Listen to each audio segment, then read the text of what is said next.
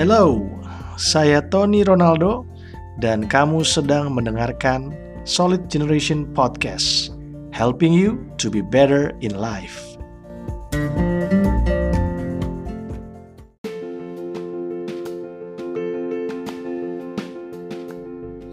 What's up Solid Generation? Apa kabar semuanya? Kita ketemu lagi nih di hari yang kedua dari seri renungan Solid Foundation kemarin kalau nggak salah kita bahas tentang intro dari serial ini. Jadi kalau yang belum sempat dengerin, boleh deh uh, back dulu ya gitu, rewind dulu ke episode sebelumnya supaya dapat konteksnya dengan baik. Nah, uh, kemarin kita bahas tentang fondasi ya, kita bahas tentang bahwa kalau fondasi hidup kita kuat, itu akan membantu kita untuk sukses di masa yang akan datang. Nah, Hari ini nih kita mulai uh, dengan membahas khotbah di bukit yang kemarin saya sudah ceritain kenapa kita pilih uh, renungan ini gitu ya. Jadi hari ini kita mau belajar dari Matius pasal yang kelima ayat 1 sampai 12 dan hari ini saya kasih judul True Happiness, kebahagiaan yang sejati. Nah, saya mau bacain dari Alkitab mudah dibaca ya, jadi versi yang uh, bukan yang seperti biasa kita baca tapi ini keren banget sebenarnya uh, versinya dan isi dari uh, ayat-ayat yang kita baca ini kalau dibaca dari versi Alkitab udah dibaca. Begini firman Tuhan. Ketika Yesus melihat kumpulan orang banyak itu, ia naik ke bukit dan duduk. Para pengikutnya ikut datang dan berkumpul di sekelilingnya. Lalu ia mulai mengajar mereka katanya, Betapa bahagianya orang yang tahu bahwa mereka mempunyai kebutuhan rohani, karena kerajaan Allah adalah milik mereka. Betapa bahagianya orang yang berduka cita sekarang karena Allah akan menghibur mereka. Betapa bahagianya orang yang rendah hati karena mereka akan menerima tanah yang telah dijanjikan Allah.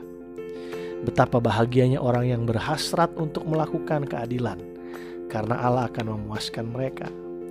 Betapa bahagianya orang yang memiliki belas kasihan kepada orang lain karena Allah akan memberikan belas kasihan kepada mereka.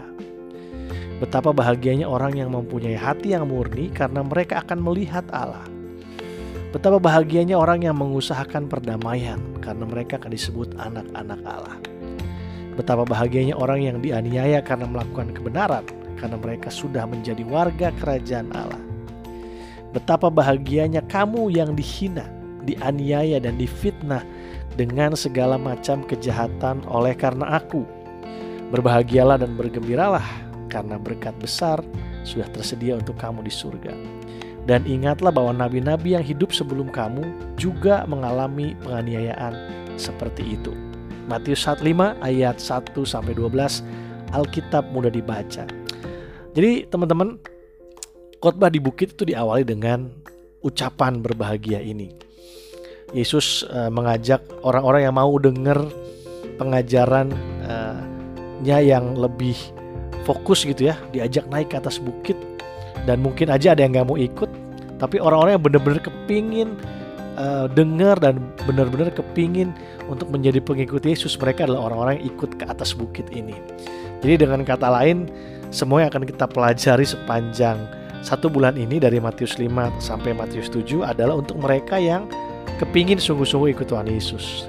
Tapi kalau kalian pun cuma pengen belajar atau cuma pengen tahu out of curiosity mungkin ya nggak apa-apa.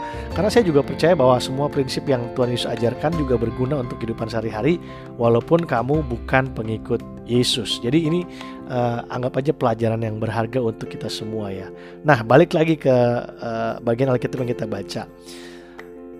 Yesus memulai uh, seri pengajarannya dengan mengajarkan mengenai kebahagiaan. Betapa bahagianya orang yang begini-begini gitu ya. Betapa bahagianya orang yang begitu. Dan uh, saya jadi mikir bahwa memang di dalam dunia ini siapa sih nggak kepengen bahagia? Bener nggak?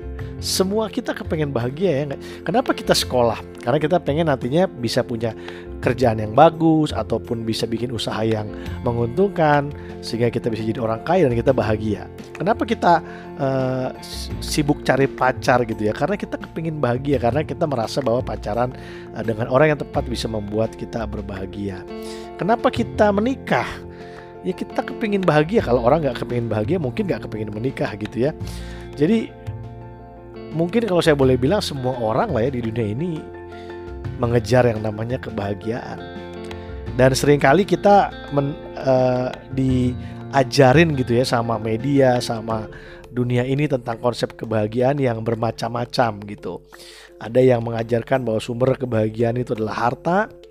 Walaupun kita tahu bahwa kalau kita ngelihat nih belum tentu juga yang hartanya banyak otomatis bahagia gitu ya. Bukannya sedikit harta pasti bahagia tapi maksud saya adalah yang banyak harta pun belum tentu bahagia kadang-kadang. Ya nggak atau ada juga yang mengajarkan bahwa sumber dari kebahagiaan itu adalah uh, cinta gitu. Kalau kita uh, menemukan cinta sejati kita pasti akan bahagia. Kan belum tentu juga cinta pun ada menderitanya ya nggak sih? Jadi banyak banget versi kebahagiaan menurut banyak orang gitu ya, menurut dunia ini. Nah, Yesus juga punya versi kebahagiaan yang dia mau bagikan dan dia mau ajarkan kepada orang-orang yang mau ikut Tuhan Yesus. Saya nggak bisa bahas satu demi satu rahasia kebahagiaan menurut Yesus. Tapi kalau teman-teman lihat dan perhatikan ayat yang tadi kita baca, Matius 5 ayat 1 sampai 12 akan jelas terlihat bahwa apa yang Yesus uh, ajarkan mengenai kebahagiaan atau rahasia atau sumber dari kebahagiaan itu bertolak belakang ya, berbanding terbalik dari apa yang dunia ajarkan. Contoh nih, contoh ya. Betapa bahagianya orang yang berduka cita sekarang. Masa orang berduka cita bahagia? Eh, betapa bahagianya orang yang memiliki belas kasihan, orang yang murah hati, yang senang memberi. Masa sih orang yang senang memberi bisa bahagia? Berbahagialah orang yang mengusahakan perdamaian. Jadi ternyata standar kebahagiaan atau uh, rahasia kebahagiaan Yesus tuh bisa saya bilang bertolak belakang atau berbanding terbalik dari uh, apa yang diajarkan oleh dunia ini gitu. Nah, nah jadi kita sekarang sebagai anak-anak Tuhan punya pilihan gitu ya mau ikutin standar yang mana nih tentang hal kebahagiaan.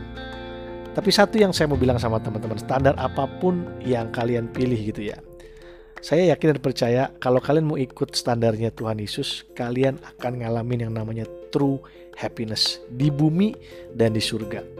Standar kebahagiaan Yesus mungkin nggak sama dengan yang dunia tawarkan.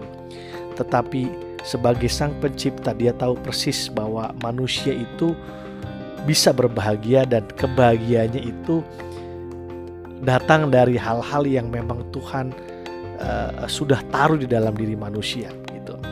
Jadi kalau kita rendah hati kata Tuhan Yesus, kita akan uh, menjadi orang yang berbahagia.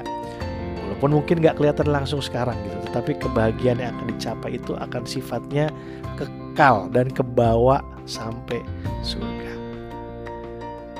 Jadi gitu ya, kita boleh kejar kebahagiaan.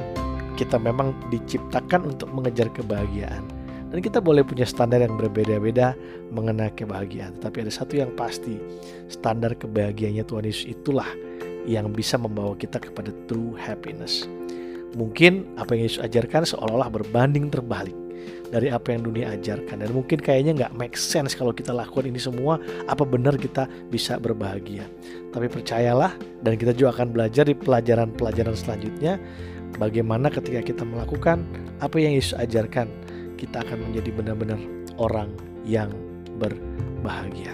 Betapa bahagianya kamu kalau kamu mau sungguh-sungguh ikut Tuhan Yesus. Terima kasih udah dengerin episode yang kedua True Happiness dari rangkaian uh, renungan harian Solid Foundation. Kiranya Tuhan memberkati kita semua. Tuhan menjaga, Tuhan menolong, Tuhan ada buat kalian semua Solid Generation teman-temanku dan adik-adikku yang tercinta. Sampai ketemu lagi besok. God bless you.